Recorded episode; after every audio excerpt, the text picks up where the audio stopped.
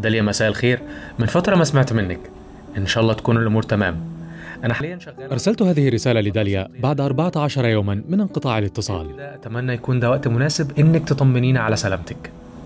أهلين يا أستاذ لا لا عادي بأي وقت. والله طبعا اليوم الحمد لله خرجنا من ربنا نجانا من كارثة. كانوا آه، ضربوا داخل الأرض حقنا وكانت موجودة آه، بنت أخي وأمها. لكن الحمد لله سلامات يعني بس حصل لهم كذا صعوبة في التنفس نتيجة الغبار و... والشظايا كانت خفيفة. هذه داليا محمد فتاة ريفية متطوعة إغاثة على خطوط النار في مدينة تعز اليمنية. داليا الفتاة الجامعية الوحيدة في قريتها فقدت عينها اليسرى بطلق ناري وهي تحاول إنقاذ طفل جريح في إحدى الاحتجاجات الأولى الرافضة لجر تعز إلى الحرب الأهلية. الولد اللي كنت أنقذه يصيح يقول لي عينيك عينيك. قرب قرب اسعف اسعف اسعف اسعف اللي هو هذا الطقم عسكري يعني أجل أمام الفتحة. ويضرب. أول ماذا؟ سمعت إطلاق الصاروخ. قلت خلاص شهدت كبر. قلت بيوقع بس. قامت وقعت لعندي عشان تحميني وتحمي الشخص آه، تخلي القناص يركز عليه كما يرحل الظما العظم يرحل يحتجزونا ويخلونا إحنا بمكان كدروع بشرية. ليش تعز طبعا وموضوع اليمن مؤرق جدا. يمكن لو أقول لك إنني امس الليل ما جاني النوم. بعدين كنت أنظر للناس المحتجزين أقول طيب الطيران بيفني الناس هذم كامل بالضربة في هذا البودكاست. داليا محمد. فصول أخرى من حياة متطوعة إغاثة تعيش بين الألغام وتحت القصف والقنص ولها أمنية واحدة. أتمنى أتمنى أتمنى إنه البحر هذا يكون قريب لي ما يكونش في حصار لأنني فعلا فعلا أعشق البحر. على خطوط النار تعز والبحر بعين واحدة. هذه حلقة خاصة من بودكاست فصول. أنا محمود الشعراوي. معا نروي فصول الحكاية. تنبيه. هذه الحلقة قد تتضمن وصفا لمشاهد عنيفة ودموية.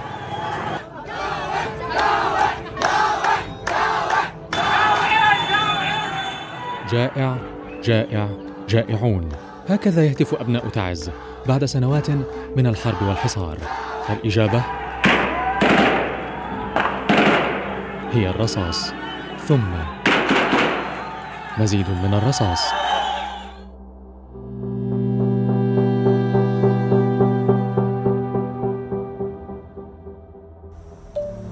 طيب أنت كنتي وصفتي لي قبل كده مشهد إصابتك وهو مشهد فعلا قاسي. طفل جريح تحاول الاختباء إطلاق رصاص تصابي. مشهد كنت أنت فيه الضحية. هل ممكن توصفي لي مشاهد أنت كنت شاهدة عيان عليها كمتطوعة؟ آه أما لو قلت يعني زي ما قلت أنت الآن تقلب علي المواقع. فني الكمية ضحايا كمية مجازر. إذا كان خلال شهر فقط أربع مجازر وكلها أطفال أجمع أشلاهم أيضا من ناحية البيت عمتي أيضا. هذه كانت عمتي ترعى الأغنام. طبعا تم قنصها وأخذوا جثتها حتى ما سمحوا لناش إن إحنا نسعفها. يومها أنا كنت حاضر المشهد حاولت بكل قوتي إنه أطلع كنت كل ما أطلع الشيء ينقذه يضربوا علينا. فبعديها أخذونه ولليوم الثاني بعد ما توفت قالوا لنا تعالوا شلوها. جثة هامدة وغير كذا ما سمحوا لناش ندفنها بنفس المنطقة. قالوا روحوا مكان ثاني دفنوها أيضا فقدت أولاد أخي. ستفقد داليا المزيد من أقربائها وهي تحاول إقامة مشروع اعتبرته أكبر مشاريعها في مقاومة الحصار. ستحكي داليا تفاصيل ذلك لاحقا. لنعود الآن إلى ما حدث مع قريبتها. يعني القناص قنصها أمام ثنتين من بناته عمرهن واحدة أربع سنوات والثانية عشر سنوات. فكان إنه البنات اضطرين يمكثين ليلة كامل جنب أمهن اللي رأسه مهمش يعني مهشم. وهي متوفية. الحرب في اليمن تدخل عامها الثامن وتجعل من اليمن أسوأ أزمة إنسانية. قتل أكثر من 130 ألف شخص. في تعز وحدها أكثر من 17 ألف مدني سقطوا ما بين قتيل وجريح حتى نهاية 2020 منذ اللحظات الأولى قررت داليا أن تتحرك مهما كان الثمن. منطقة سكني اللي هي الضباب القرية أغلقت تماما وحصرت وفرض عليها حصار أعزلوها عن جزء عن الجزء من المدينة. هنا اضطريت إنني أجلس فترة في المدينة في وسط المدينة وكنت أمارس نشاطي من هنا. كنت بكر الصباح يعني والدنيا قصف كان أخرج وخالي وخالتي اللي عندهم يعني بالقوة أخرجهم ثم بتخرجي لأنه كان عملية القنص والاستهداف بشكل عشوائي ومكثفة جدا. يعني كنت أخرج الشارع أقول ما برجعش خلاص. الرجوع خطوة إلى الخلف والنظر إلى تعز بعين الجغرافيا قد يكون ضروريا في فهم مشهد الحصار. سألت عبد الصمد الفقيه رئيس مركز واشنطن للدراسات اليمنية. عن تعز الجغرافيا والحصار. آه، تعز كمحافظة موقعها استراتيجي آه، لأن باب المندب مضيق باب المندب المشهور والمهم عالميا يقع في نطاق هذه المحافظة. تعز بطبيعتها الجغرافية هي تجمع بين السهل والجبل ولكن يغلب عليها آه، الجبال التي تصل ارتفاعها إلى أكثر من ثلاثة ألف متر فوق سطح البحر. كلمة تعز تطلق على المحافظة وعلى المدينة لكن لكن آه، ظلت المقاومة متمركزة وإلى يومنا هذا في المدينة والحوثي يسيطر على كثير من المناطق والمديريات خارج المدينة وبذلك فرض حصارا عليها من كافة الجهات كانت لديها جهات من جهات أخرى يمكن أن تتحرك لكنها لم تكن رسمية وما كانت جاهزة لأن تفك الحصار عن تعز ولذلك ظلت أشهر وربما وصلت إلى أعوام وهي محاصرة مطبق عليها من كافة الجهات طيب وكيف كان ينقل أهل تعز المواد الأساسية لازمة لحياتهم بين تعز وبين غيرها من المحافظات؟ كما ذكرت لك المكان الوحيد رسميا الذي يتم الانتقال فيه وهي عبارة عن طريق لم تكن جاهزة ولم تكن معبدة قبل الحرب ولكن اضطر الناس لاستخدامها وهي عبارة عن آه، مرتفعات تصل إلى 2000 متر فوق سطح البحر يضطر المتنقلون فيها والمسافرون أن يجتازوا هذه المنطقة. هذه الخطوط أو هذا الخط الوحيد هو الذي يمد تعز بالشاحنات المحملة. آه، بالوقود أو محملة بالمعونات أو محملة بكثير من البضائع. وحينما تتحرك الشاحنات في هذه الطريق الغير معبدة والغير جاهزة للتنقل يحدث صعوبة شديدة في التنقل وأحيانا يسبب في كثير من الحوادث ويعني انقلاب للشاحنات أو للسيارات. وحينما يحدث انقلاب تنقطع الطريق لساعات وربما لأيام. في ظل أنك تحاول في لحظة من اللحظات إسعاف مريض إسعاف مرأة إسعاف مصاب لأن أنت أيضا لا زالت خلفيتك أو لا زالت لا زلت يعني آه، منطقة معارك في عدة جبهات متعددة حول تعز.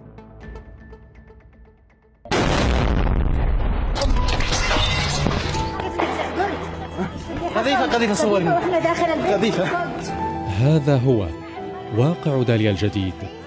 حصار يغير كل تفاصيل الحياة في تعز داليا ستسلك ذلك الطريق الذي اختارته طريق الإغاثة والمساعدة. وعما قريب ستتقاطع طريق داليا مع فرح وريهام فرح وريهام الاثنتان من تعز ولكل منهما قصة. فرح وريهام وداليا. تذكر الأسماء الثلاثة. في أحد الأيام أخرج خرجت من البيت.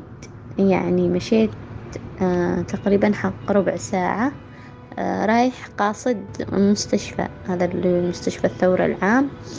كان ما فيش مواصلات حتى المواصلات خلاص توقف حركة السير لأنه ما عاد كانش في حاجة. فقلت خلاص أني بمشي رجل إلى أن ما أوصل المستشفى.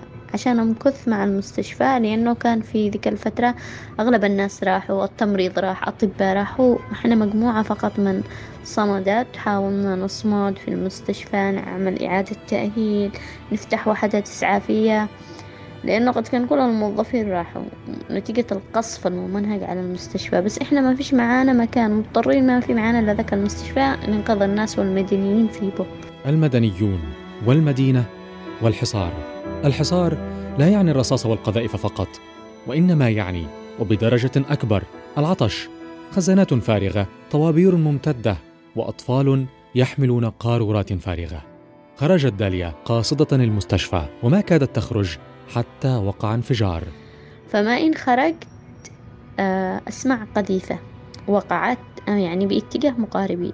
أهرع للمكان لأني سمعت قلت أكيد هذه بتوقع في مدنيين في ضحايا. على طول أوصل هنا كان الموقف اللي يعني موقف مرعب.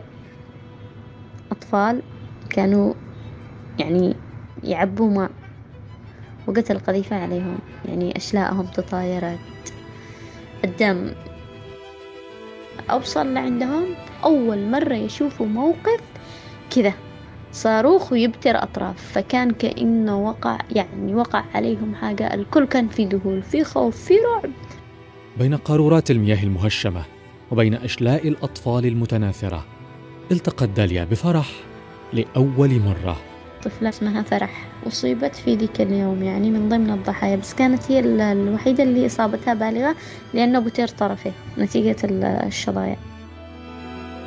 تقول لي لا تتركينيش ما يعني ما تسيبينيش لحالي فمشيت بعدها بعد ما أخرج من العمليات كذا عرفت إنه خلاص بتر طرفها تماما فهذه كان من الصعوبات. يعني قلت لها بعد ما فاقت من العملية وتقول لي شفتي آه لو سمحتي جيبي لي رجلي. يعني بمعنى تتقصد أني إحنا بالتعزية أني حميسك بمعنى أترقيك. أني حميسك لو سمحتي تعالي جيبي لي رجلي عادي عادي عادي. أنا كذا بلصقة من نفسي. أنتوا اللي تصلحوا لي شيء أنا كيف بمشي؟ أنا كيف بدرس؟ أنا كيف بكمل حياتي؟ يعني أبي وأمي قد ماتوا وزد كمان أكون وحيدة معاق. من بيمسكني؟ من بي يعني بياخذ باله علي. تقول دراسة مولتها هيئة التبادل العلمي الألمانية. أربعة من كل خمسة أطفال يمنيين يعانون من اضطرابات ما بعد الصدمة. الحالة النفسية السيئة للأطفال. قد تدفع البعض منهم للانتحار. الطفلة أزهار رزاز طفلة يمنية لم تتجاوز العاشرة. انتحرت بعد مقتل أخيها على يد قناص. قال عيشة إحنا إيش اللي إحنا؟ عاد إحنا ندخل الجنة؟ أما لما نكون كبر عاد ربي دخل إحنا النار؟ نكون معذبين بالدنيا والآخرة. هذا صوت والدة أزهار. تتحدث إلى كاميرا أحد الصحفيين المحليين. من فوق المأكة مربوط منزلين. تجلس على مصطبة إسمنتية في صالة بيت جدرانه رمادية بلون الطوب الذي بنيت به وتمسك في يدها صورا لأبنائها. تقول له أحسن لك أحسن لك أحسن لك رقدت من هذه الدنيا. تقول لي أخلي قميص وأني دايما أشل أحسن لك أحسن لك أنك فارقت هذه الحياة. تقول أزهار لصورة أخيها الذي قتل قبل أن تنهي هي نفسها حياتها بعد مقتله بقليل. اليمن من أسوأ الأماكن للأطفال في العالم تقول اليونيسف كانت داليا تعيش العبارة السابقة حقيقة واقعة وهي تستمع إلى أنين فرح. فيومها اضطريت إني أوقف قوي وإني أصلا قد كنت أبكي بس مالك نفسي قلت له عادي أنتي شوفي بس كم يا أطفال تبتروا أني بخليك تشوفيهم شوفي كيف كملوا حياتهم. شوفي كيف مارسوا. أوعدك انك بت يعني بتمارسي حياتك زي ما كنتي. شوفي إذا أني بلا عين. أعيش يعني على عين واحدة وتأقلمت. وشوفي إذا انتي أنتي تقولي تشتي تكوني مثلي. فهنا كان ففعلا نجحت وأقنعتها. بعدين احتجت حق تقريبا أربعة أشهر وإني أعمل عليها جلسات دعم نفسي لأنه خصوصا لمؤسسات دولة لا فكنت أروح لها للبيت أحاول أخل أخرجه طيب كيف كان شكل هذه الجلسات يا داليا؟ صفي لي لو سمحتي. إحنا بالقرية معانا الحمير. كنت أجيب الحمار ورا وأطلعه على الحمار أقول له خلاص تعالي مالك إلا المكان اللي تشتيني أوديك يعني آه، يلا. فكنت أستخدم له الحمار أمشي الوادي أمشي هنا اجلس لما أعمل له جلسة الدعم أجيب له مقاطع فيديو أعلم له بناس حقيقيين أطفال عندنا بوتيرات يعني في تعز. فهنا حبة حبة لما أنا اقتنعت إنها تركب طرف صناعي. فركبت له الطرف الصناعي. طبعا فترة عشان تتدرب عليه بدأ يقرحها لأنه ما فيش الإمكانيات ما فيش سيليكون ما فيش منتجات طبية ممتازة. خصوصا في بدايات الحصار. كانت تعز تعاني من نقص حاد في المواد الأساسية للحياة وعلى رأسها الدواء. المنظمات الإنسانية المحلية والدولية سبب الحصار الخانق على المدينة الذي حرمها من المياه والأدوية والمواد الغذائية. النقص الحاد في إمدادات الدواء والغذاء كان يفرض على داليا القيام بدور خطر للغاية. من ضمن المواقف المخيفة إنه في أحد المرات عندما آه، مسكوا معي أيضا. أدوية ومحاليل تم توقيفي بأحد النقاط. و... وهنا النقاط كان في مكان آه، يطرحوا فيه ال... مثلا الناس اللي يعتقلوهم ويخلوهم دروع للطيران. ففي يوم أذكر فعلا حجزوا فمجرد ما آه، حجزوني لي ساعتين واني طبعا بشكل سري لا كلمت الزملاء ولا كلمت البيت ولا قلت لهم بخرج بس وخصوصا إني كنت ما اخذش تلفون أخاف عشان لو يفتشوا. فهناك في يوم آه، كان هذا من ضمن ال... يعني كنت آه، يعني خوف من جانب أفكر بأهلي يعني من بيجيب لهم خبري لو حصل حاجة من بيبلغ عني من فأوقفوني فعلا ف... وهم عارفين إنه هذاك المكان مستهدف كان في وقت ضرب الطيران. فتركوني ساعتين شوية زاد بالطيران جاي يحلق في سماء المكان. هنا قلت خلاص يعني الطيران كده كده بيضرب خصوصا إنهم كانوا ذاك الوقت تركوا المكان وكل واحد آه، راح مكان. أخبأوا الآليات العسكرية كأطقم وكذا وتركونا إحنا إحنا الناس اللي هناك. والله خلاص الطيران بيضرب الطيران بيضرب. ف فهنا أول ما ضرب المكان طبعا الشظايا تطايرت خلاص. قلت الثاني بيكون عندنا. لكن الحمد لله ضربوا في ذاك الوقت رجعوا هربوا بعد المشكلة بعد الضرب قاموا انتشروا ورجعوا خلاص بيمسكونا ثانية كدروع. في يوم أني حاولت لما كان الشدد حاولت لفيت من آخر يعني الوادي لأن المنطقة كانت قريبة يعني اتجاه قريتي وكنت أعرف المداخل. على طول تسللت بين الشجر والدا ووصلت للبيت. وصلت واني منهكة مالي مخطوفة ليش كذا منذ ثلاثة أعوام أو أقل قليلا كنت أعد فيلما وثائقيا عن اليمن. ولا يزال ذلك المشهد من ثوان قليلة عالقا في ذاكرتي إلى اليوم. منزل من طابقين جداره الخلفي من الإسمنت الخشن. تحت نافذة صغيرة عالية تبرز من الجدار أسياخ حديدية أسياخ بناء صدئة وعليها يقف رجلان لصق الجدار يحاولان بالكاد ألا يقعا. يمد أحدهما يده وفيها علبة دواء. إلى النافذة. تنطلق رصاصة. تدوي في الهواء. ينتفضان. يبدوان مرعوبين. تقترب الكاميرا من وجه أحدهما. العينان مبحلقتان والجبين مشدود. لكن لكن الشفتين ترسمان شكلا يشبه الابتسامة. هي أغرب ابتسامة قد تراها. ابتسامة وجه مرعوب. لم أرى وجه داليا وهي تحاول تهريب الدواء. وسط جنون الرصاص والقصف. لكني أتخيل وجها مرعوبا. أول ما وصلت البيت كنت أبكي على الموقف وأبكي على إنه لا وين وصلنا؟ يعني مجرد إني بدخل علاج يتم العمل هذا معي. وكنت زعلانة وما أعرفش إيش أقول للمرضى وللمستشفى اللي منتظر إنه بتوصل له كمية العلاج الثاني. ورغم الرعب ومراوغة الموت داليا تنجح أحيانا. نجاحات صغيرة. ربما. وين كيف أنت؟ كيف حالك؟ بس شي سريع على رجليك علشان التقييم. كيف؟ أبو فرق تحس فرح الطفلة التي فقدت ساقها. أخيرا حصلت على طرف صناعي.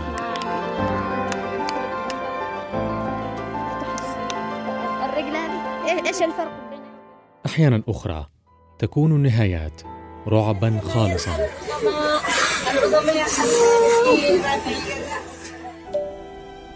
هل ظل مكان للصداقة في الحرب يا داليا؟ الحرب الأهلية. يعني كيف أصدقائك؟ إيش أقول لك؟ أحيانا أكون مشتاقة لهم خصوصا إنه في منهم قد فقدتهم بالحرب. آه، في منهم سافروا بسبب الوضع وكل واحد راح مكان. فأتمنى إنه ترجع الأيام تجمعنا مع بعض. الناشطة الحقوقية ريهام البدر واحدة من رفاق داليا. جمعتهما أيام الثورة وسنوات الحصار.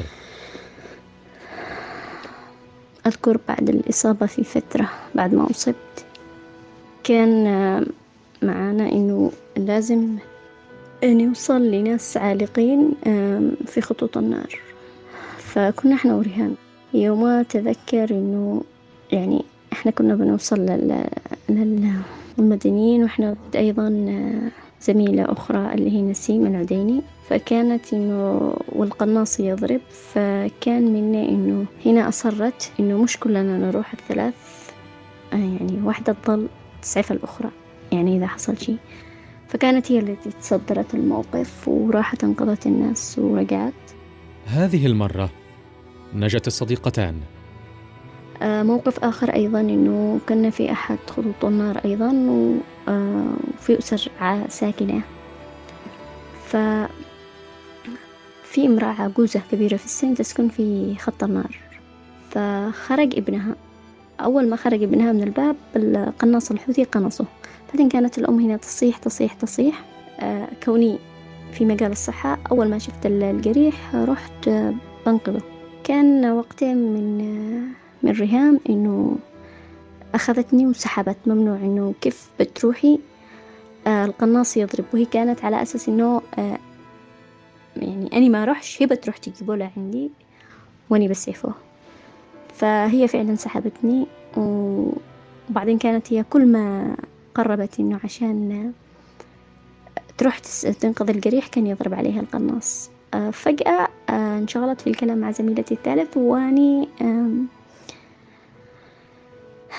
رحت لمكان الشخص المصاب. فهناك أول ما شافني القناص ركز بعملية القنص عليها و... فهي كيف عملت؟ قامت وقف يعني وجاءت لعندي عشان تموه القناص. يعني عشان توجه عشان تحميني وتحمي الشخص آه، تخلي القناص يركز عليها ويضرب عليها هي. في تلك المرة أيضا نجتا لكن في مرة أخرى خرجت داليا وريهام في مهمة تطوعية ولكن داليا عادت وحيدة. فقد قتلت ريهام لما ترجع. نص ساعة واسمع الضرب. بعدين سمعت بالأول سمعناها ونات وصلوا لنا هي وهي قد خلاص عندها قدم عائخة رجل برع. داليا تتحدث إلى قناة تلفزيونية محلية.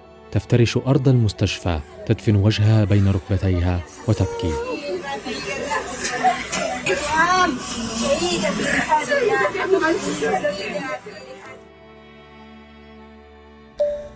داليا آسف. لو الأسئلة بتفكرك بأوقات صعبة. لما من فضلك تقولي لي آه كيف بدأت صداقتك مع ريهام؟ لا عادي يعني ما فيش حاجة. آه يعني جمعنا العمل من من بداية الحرب من لما بدأ الحرب على مدينة تعز من بداية أحداث 2015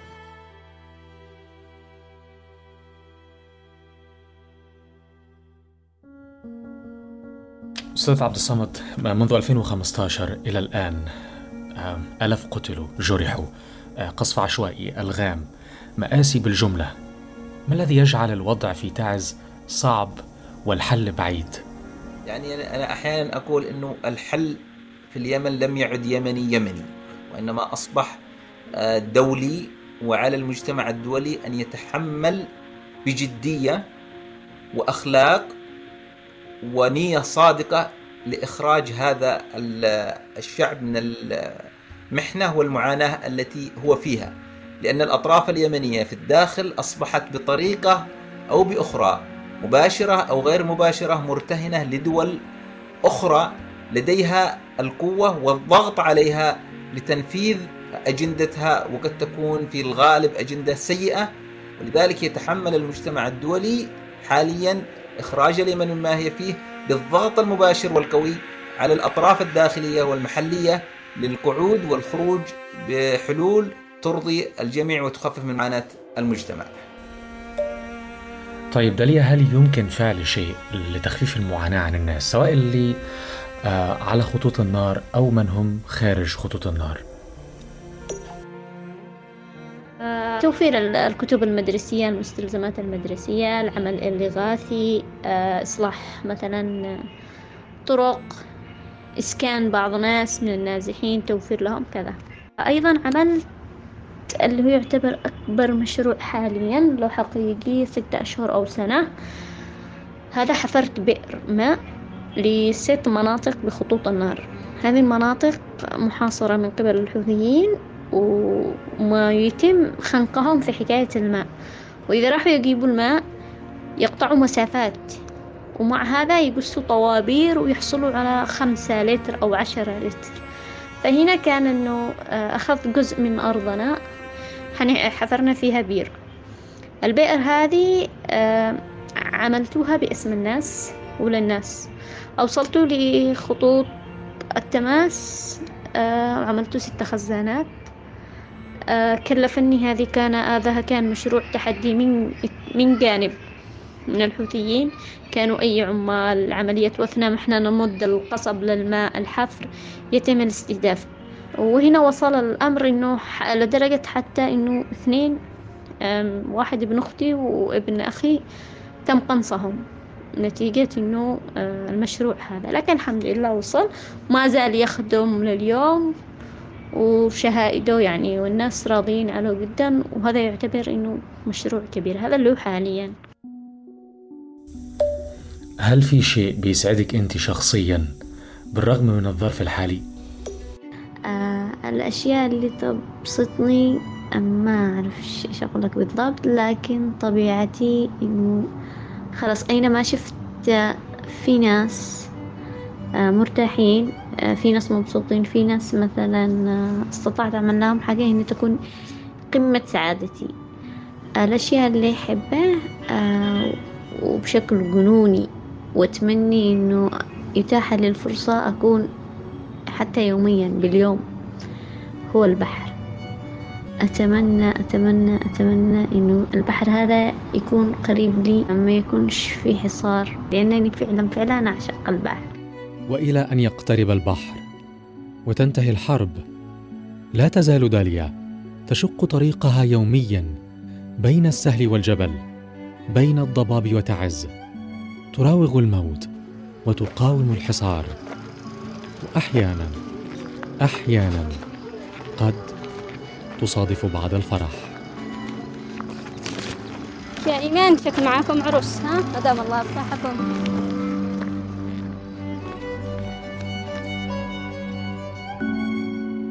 أنا محمود الشعراوي. دمتم في صحة وسلام.